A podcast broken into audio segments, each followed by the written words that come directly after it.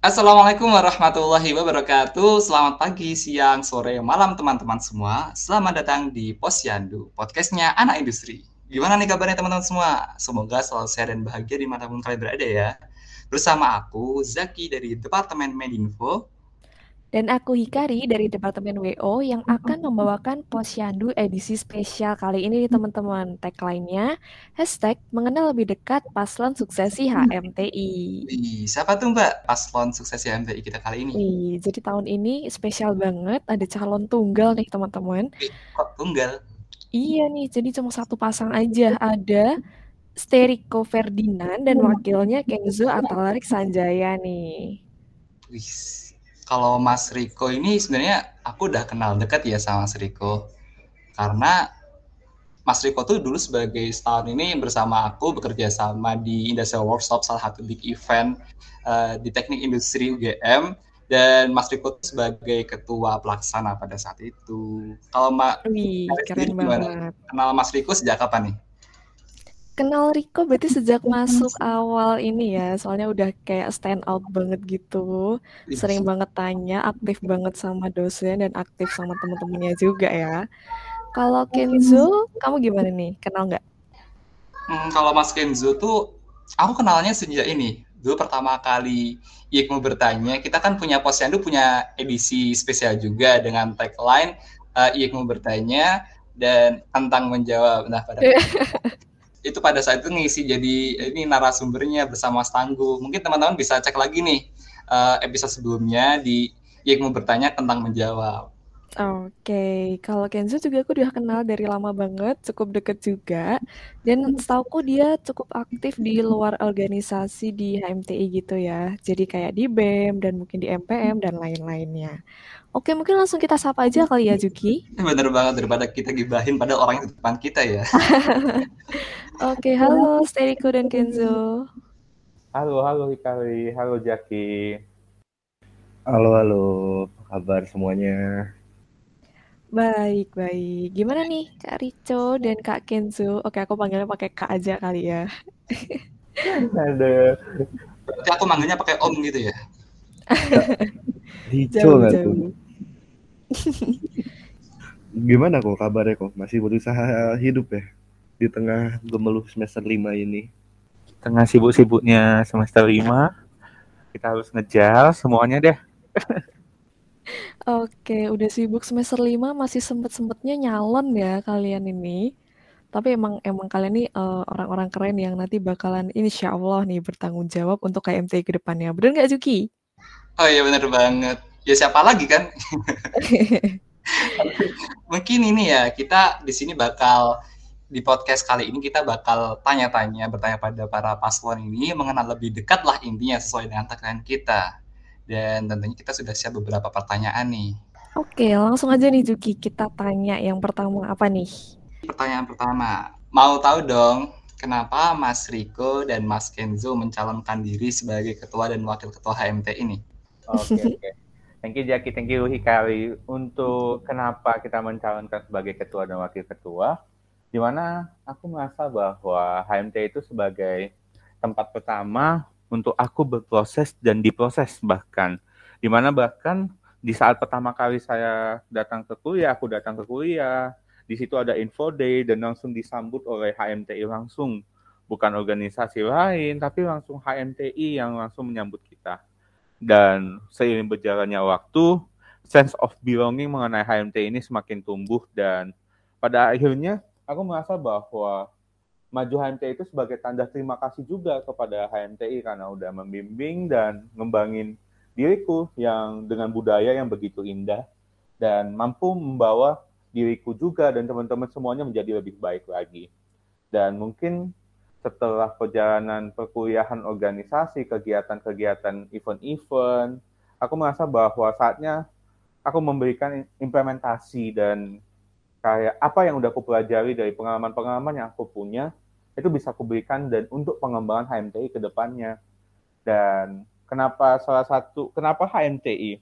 Karena HMTI aku merasa bahwa di saat kita melakukan sesuatu, di saat kita memberikan dampak dan semua yang kita lakukan untuk HMTI impact-nya itu langsung ke orang-orang yang di sekitar kita, yang di mana kita bisa dikatakan ketemu 24 per 7, di mana kayak tugas kelompok ketemu teman kuliah, tugas-tugas yang lain kita nanya-nanya, praktikum, kerja kelompok, semuanya itu berdampak langsung temen yang kita ketemu gitu loh. Itulah mengapa aku merasa bahwa HMTI sangat berdampak dan luar biasanya deh untukku gitu. Oke, berarti intinya Steriko ini pengen memberikan uh, timbal balik yang baik gitu ya, kembali ke HMTI dan juga pengen memberikan impact ke orang-orang terdekat. Bener ya Steriko ya? Benar sekali Hikari. Oke, jadi dari Kenzo mungkin ada yang mau ditambahin nih sebagai pasangannya Steriko nih. Curang ya sebenarnya udah banyak yang diambil. mungkin aku dari sudut pandang aku aja ya kayak uh, pada awalnya memang aku pribadi tuh nggak ada ambisi serius gitu untuk mengikuti suksesi HMT ini. Uh, bahkan aku awalnya itu justru bantuin Steriko gitu. Tentunya itu juga terkait dengan latar belakang aku. Namun setelah aku juga ngobrol juga, soal diskusi juga ke beberapa teman aku, termasuk ke Hikari juga, gitu kan. Uh, apa ya? Aku jadi ngerasa kalau ini sebenarnya tuh di saat orang maju gitu, itu bukan tentang itu bukan sekedar tentang latar belakang kamu gitu tapi ini lebih besar dari, daripada itu. Ini tentang seberapa besar kemauan kamu gitu. Dalam konteks ini tuh kemauan kamu untuk membuat HMT ini lebih baik lagi untuk mencapai tujuannya itu apa? Kebermanfaatan yang pasti. Dan lalu pasti ada pertanyaan kayak yakin gak sih kamu? Yakin gak sih lu? Aku bisa jawab aku nggak yakin. Clear. Karena menurut aku kayak kalau aku nunggu dulu nih kalau kalau aku udah yakin aku baru mau daftar gitu menurut aku tuh aku nggak bakal nemu keyakinan itu yang utuh di diri aku gitu. Tapi kalau misalkan ada yang nanya kayak kan udah daftar nih tulus gak sih? Ikhlas gak sih daftar? Kayak aku berani jawab dengan clear lagi bahwa jawabannya adalah iya gitu karena kehadiran aku di sini dari awal daftar sampai ke titik ini ikut podcast posyandu bareng teman-teman semua itu aku nggak ada paksaan aku nggak ada keterharusan dan aku nggak ada tekanan gitu. Dan uh, justru uh, aku ingin ada di sini untuk apa? Untuk coba memfasilitasi dan mengimplementasikan gitu. Mengimplementasikan apa? Apa yang udah aku dapatkan dari pengalaman-pengalaman aku di tempat lain gitu loh.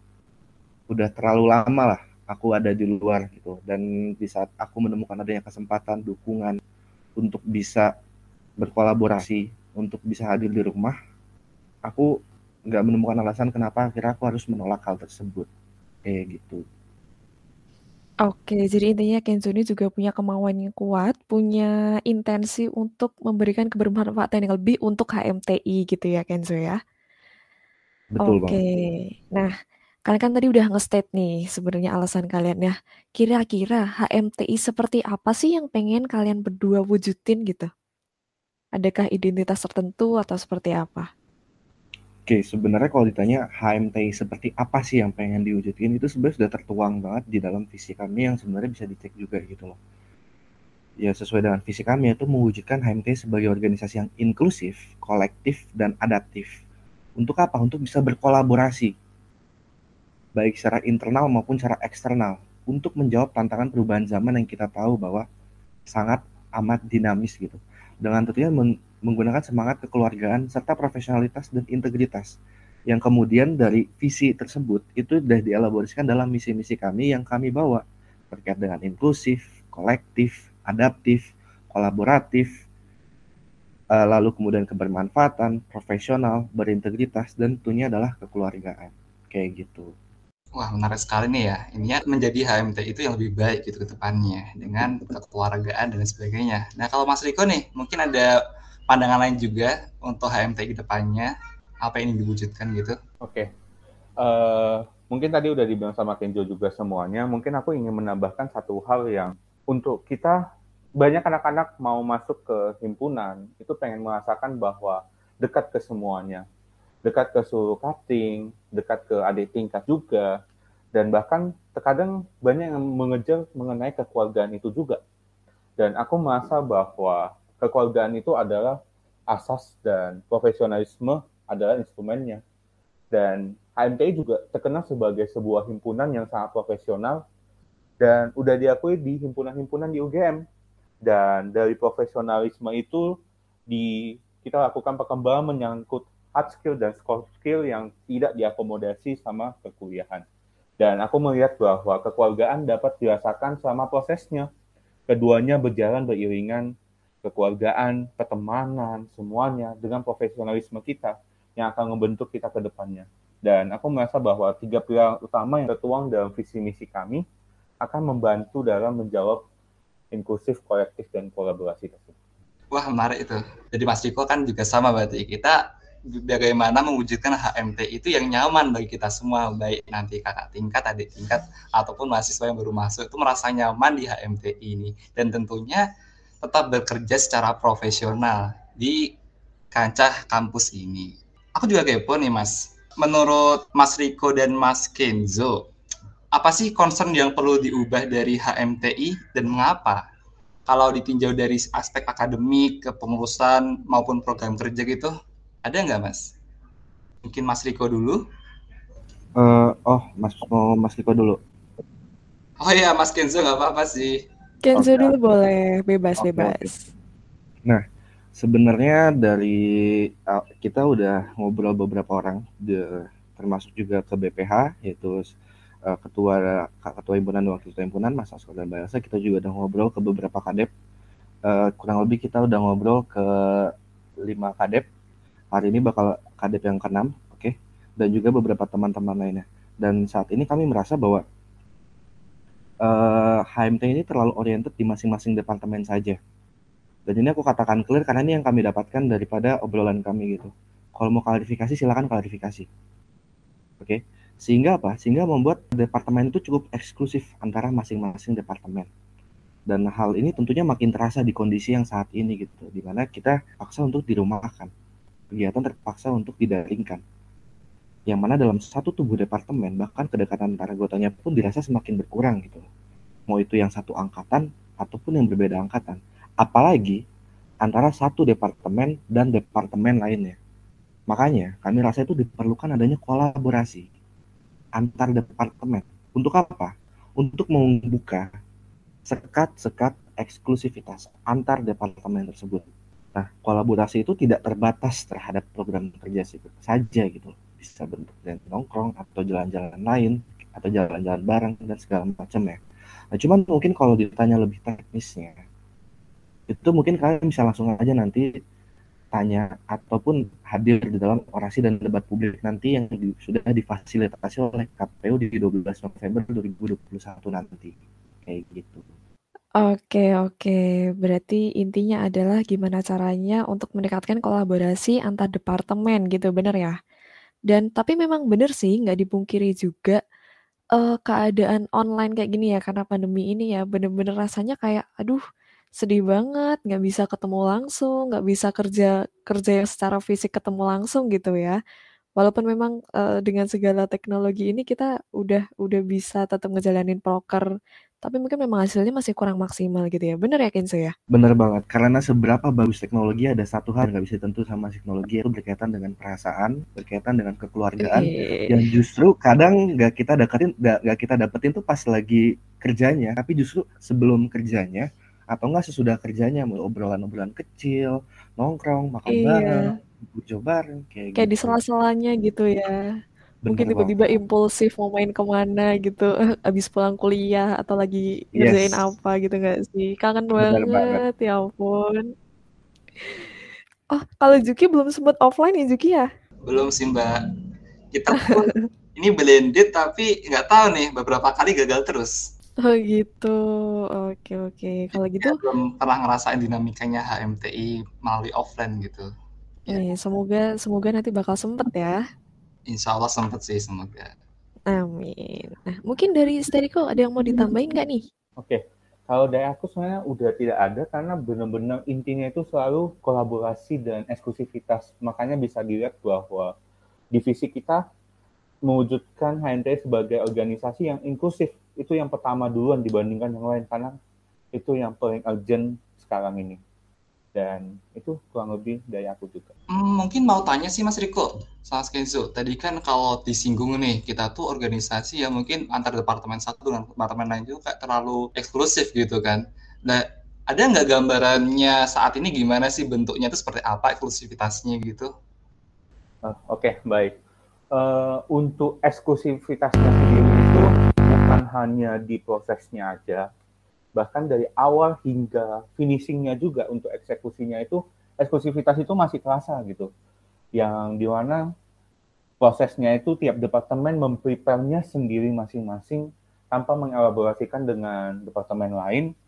Dan benar-benar oriented semuanya itu dari divisinya masing-masing. Dan hingga pada eksekusinya juga mungkin setidaknya eksekusi kita departemen lain itu bisa ikut. Tapi untuk sekarang juga untuk yang ikut acara-acara antar departemen juga kadang sangat sedikit. Dan untuk mengumpulkan masalah dari departemen lain juga kita merasa bahwa ya udah ini karena departemenku aku harus datang. Tapi kalau untuk departemen lain ada rasa bahwa ya udah itu departemen lain. Ada satu rasa seperti itu yang aku merasa tidak sesuai gitu loh untuk sekarang ini di himpunan kita yang sungguh luar biasa ini gitu. Itu yang paling terasa sebenarnya di aku. Hmm, bener sih mas. Itu dan menurutku juga nanti tugas yang sangat berat ini kalau misalnya Mas Riko dan Mas Kenzo nanti terpilih sebagai ketua gitu kan dan wakil ketua untuk bisa jatuhkan dinding eksklusivitas antar departemen dan departemen lainnya gitu ya. Dan itu sangat berat menurutku. Benar, uh, aku izin masuk ya. isunya Iya boleh Kenzo. Gimana? Gimana? Tadi kan terkait dengan ini adalah hal yang berat kan dan segala macam terkait dengan dinding. Kalau bisa bilang aku nggak mau, aku lebih suka sebutannya adalah jurang. Jurang yang memang itu terbuat dengan ada dengan kondisi yang seperti ini didaringkan. Lalu terkait apakah itu tantangan yang berat? Jelas itu tantangan yang berat. Tapi satu hal yang pasti bahwa kita, sorry kami, aku dan Seriko tidak menghilangkan core daripada tiap-tiap departemen gitu loh. Karena tiap-tiap departemen punya perbedaan dan perbedaan itu yang membuat terbentuknya departemen yang berbeda. Tapi di satu sisi semua departemen itu punya satu benang merah yang sama. Itu clear. Apa itu? Tujuan yang sama dan tujuan apa itu adalah kebermanfaatan.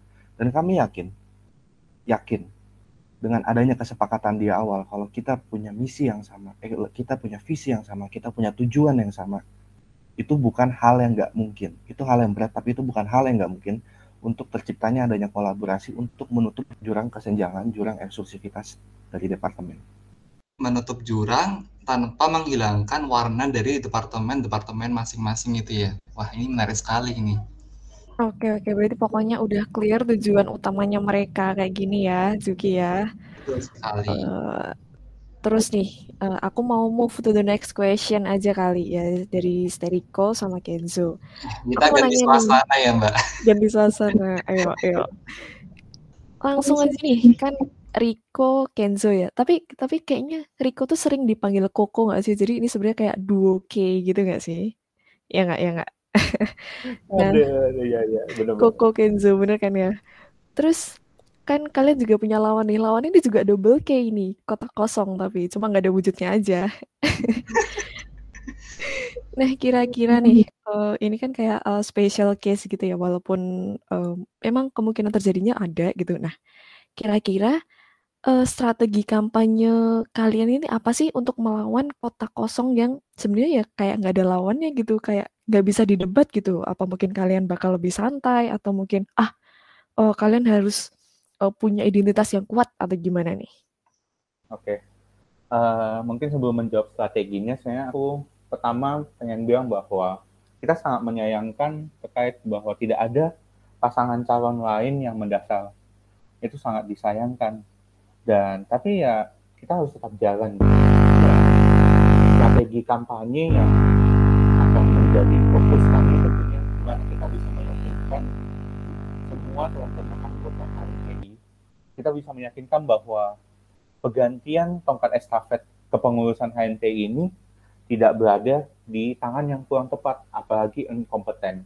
Jadi kita ingin memberikan tahu bahwa uh, kita bisa memberikan yang baik juga, kita bisa memberikan lebih dan tidak hanya seolah-olah hanya melawan kotak kosong kita menganggap bahwa bukan kita nggak ada pilihan lain, tapi karena kita dipilih bahwa memang itu kita kita diinginkan dan kalau untuk kita tetap saja serius dan kayak tetap berusaha semaksimal mungkin tanpa memehkan kotak kosong itu.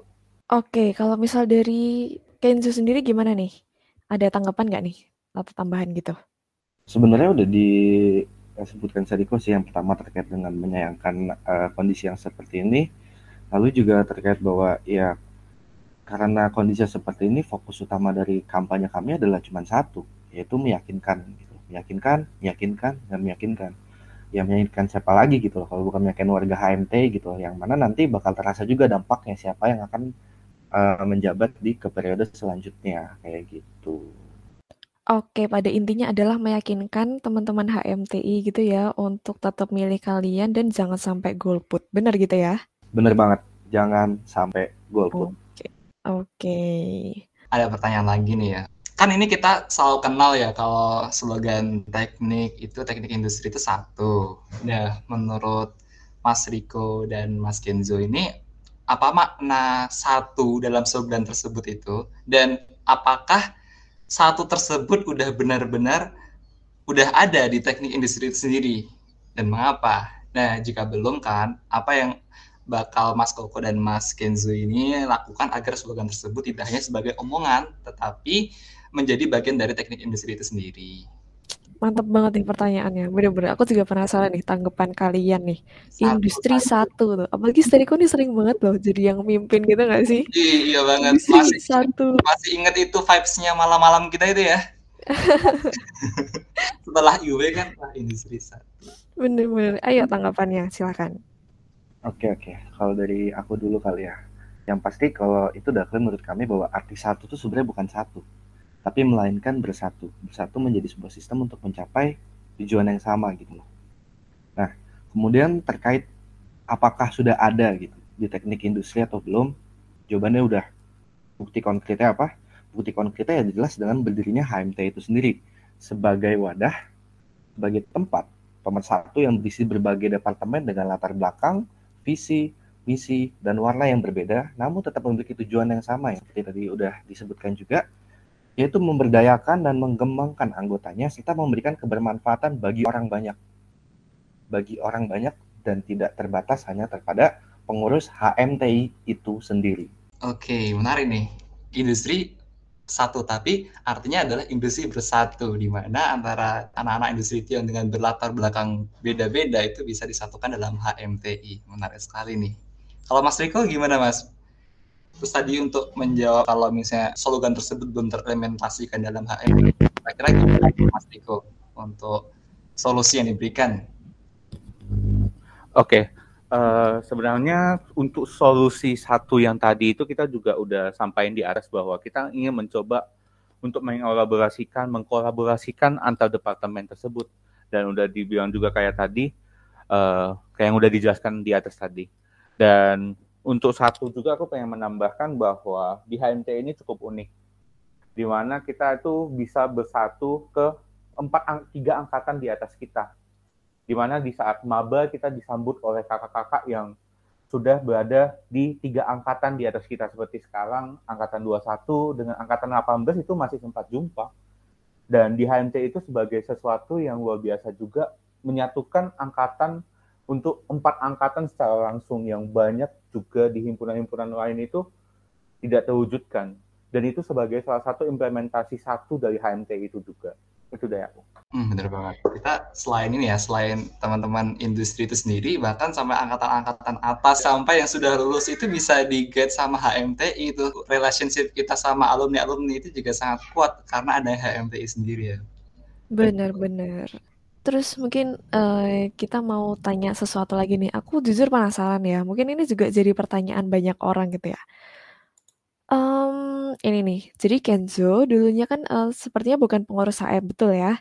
Nah, Kenzo mungkin menyadari mungkin walaupun, apa namanya, di AMT ini kita tetap berbaur ya, entah itu pengurus atau anggota, tapi kan mungkin tetap ada sedikit sedikit perbedaan atau kesenjangan antara pengurus HM maupun yang non-HM. Nah Gimana sih cara kalian berdua buat ngatasin, uh, jurang kesenjangan antara dua pihak itu gitu? Karena mungkin kan ada yang merasa kayak teman-teman yang non-HM itu kan mungkin nggak merasakan adanya proker atau nggak merasakan ikut, uh, menjalankan kayak gitu. Gimana nih menurut kalian? Bener nggak itu? Hmm, jujur aku kurang setuju sih. Karena kalau ngomongin gap itu harus clear dulu gitu. Gapnya itu gap seperti apa? Karena di dalam lingkup HMT sendiri yang memang itu juga udah ada di anggaran dasar HMT bahwa di saat pemimpin tertinggi adalah Kongres HMT itu tidak terbatas terhadap uh, badan pengurus HMT atau kita kenalnya di sini sebagai organisasi HMT. Tapi di situ juga ada namanya BSO. seperti uh, besok di kita ada dua ada Indonesia Engineering Catalyst ada uh, Sentra Korean Islam DTMI atau SK DTMI dan daripada itu kita juga adanya big event gitu jadi uh, tidak terbatas hanya terhadap di organisasi HMT saja kayak gitu. Lalu juga kalau kita lihat dari apa namanya uh, dari anggaran rumah tangganya aja itu sudah jelas banget itu sudah clear. Bab satu keanggotaan. Bagian pertama anggota HMT UGM pasal satu keanggotaan. Anggota HMT UGM adalah mahasiswa S1 reguler program studi teknik industri UGM yang terdaftar aktif dalam tahun akademik.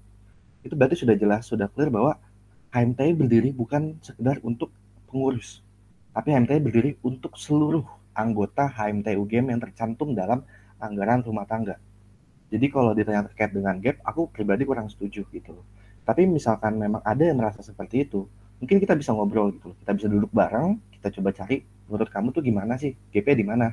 Kita coba cari, kita coba bertukar pendapat, tukar informasi, lalu kita coba cari solusinya tuh gimana gitu. Karena aku sama Seriko juga nggak menutup sama sekali kita terbuka kan semua kritik, saran, masukan, keluhan, isu apa pun itu kayak gitu. Oke, jadi HMTI berdiri untuk seluruh warga industri gitu bener ya, dan seharusnya memang tidak ada kesenjangan itu gitu nggak sih Kenzo?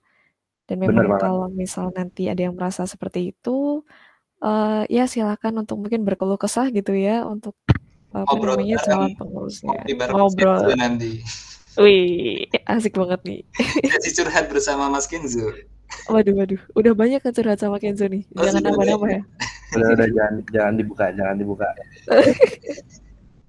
oke okay, kalau dari Steriko nih gimana nih Steriko oke okay. uh, eh, mungkin kita itu terkadang banyak juga mungkin kita juga ngerasain nggak sih bahwa di HMT itu antara anggota antara anggota dan orang yang menjadi pengurus di organisasi HMT sendiri itu nggak ada gap. Di mana bahkan kita sering nanya emang kamu nggak kamu bukan pengusaha NTI kita sering menanyakan itu sama teman-teman kita. Karena kita saking deketnya antara angkatan teman-teman kita dan hingga kita nggak merasakan bahwa dia bukan pengurus. Jadi menurutku dengan adanya dengan alasan yang aku berikan tadi itu kita gak ada gap sih sebenarnya. Mungkin lebih ke diulik-ulik aja oh dia nggak pengurus dan dia non pengurus dia pengurus tetapi kalau yang kita rasakan di kerja-kerja kelompok kan sering kita ngebahas bahwa, oh kamu bukan HMTI ya, bukan pengurus ya. Kita sering menanyakan hal itu. Itu salah satu yang menurutku kuat banget bahwa di HMTI nggak fokus ke pengurus, tapi semua kegiatan-kegiatan proker juga diikuti oleh semua anggota HMTI. Itu yang luar biasanya. Itu dari aku sih. Oke, berarti kadang-kadang kita sampai nggak ngerti ya kalau eh dia tuh HMTI bukan sih. Padahal salah ya harusnya dia tuh pengurus HMTI bukan sih gitu nggak sih?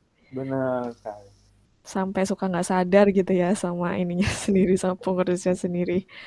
Oke. Kalau ini ya kalau udah dalam satu apa namanya satu event atau satu acara tuh sampai itu tuh pengurus label pengurus sama non pengurus nggak kelihatan gitu.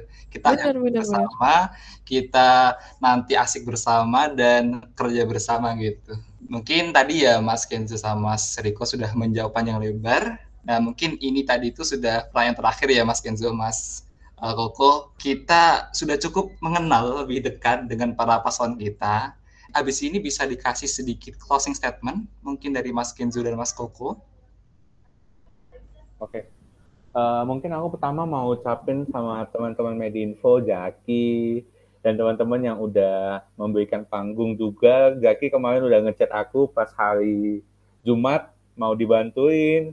Aku thank you banget dan udah membantu juga uh, kita dikasih panggung deh untuk menceritakan tentang diri kita ke teman-teman semuanya. Dan aku ya yang kedua juga aku pengen terima kasih kepada teman-teman. Mungkin nama grupnya bukan kampanye ya. Namanya bukan kampanye tapi teman-teman itu sangat mensupport kita semua dan memberikan bantuan dari awal sampai detik ini. Dan aku juga nggak lupa ada Hikari juga tadi. Hikari yang udah membawa MC kondang kita. yang udah membawa podcastnya sama Jaki yang udah mencairkan juga. Dan Mbak Hikari ini loh dadakan banget loh ini. Masuk Mbak Hikari mau ini. Ya makasih Mbak Hikari. Aduh. Eh, cardnya mahal loh tuh Jak, cardnya mahal. Gitu karena ya, karena ini mas, karena ngomongnya paslonnya Mas Riko, jadi ya udah nggak apa-apa fee-nya gratis aja gitu.